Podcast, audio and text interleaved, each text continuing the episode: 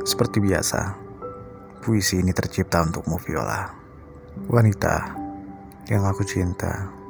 Wanita kedua yang paling aku sayangi di dunia ini. Terima kasih. Terima kasih Viola. Karena kamu adalah inspirasiku. Kamu membuatku mampu menuliskan ungkapan perasaan dalam bait-bait puisi.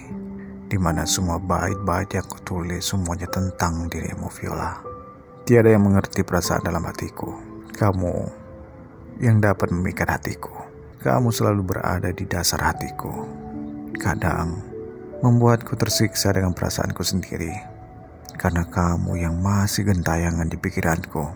Kamu yang tak kunjung membalas dan memahami perasaanku. Sedangkan aku harus berjuang memahami jalan pikiranku. Aku terus mencoba meskipun kadang hatiku terasa lelah. Tapi kini Viola, aku tak mampu melangkahkan kakiku meninggalkan dirimu. Hati ini sungguh berharap dirimu menerima aku menjadi pemilik hatimu. Entah sampai kapan aku akan menunggu jawabanmu. Namun perlu kau tahu Viola, dalam jeda, ruang dan waktu, aku merindukanmu. Dalam alunan merdu angin kala senja, aku merindukanmu. Dalam derap langkah di persimpangan jalan, aku juga sering merindukanmu. Jingga mulai meniti malam, sepertinya mentari melambai pamit, perlahan tenggelam meredupkan cahaya angkasa.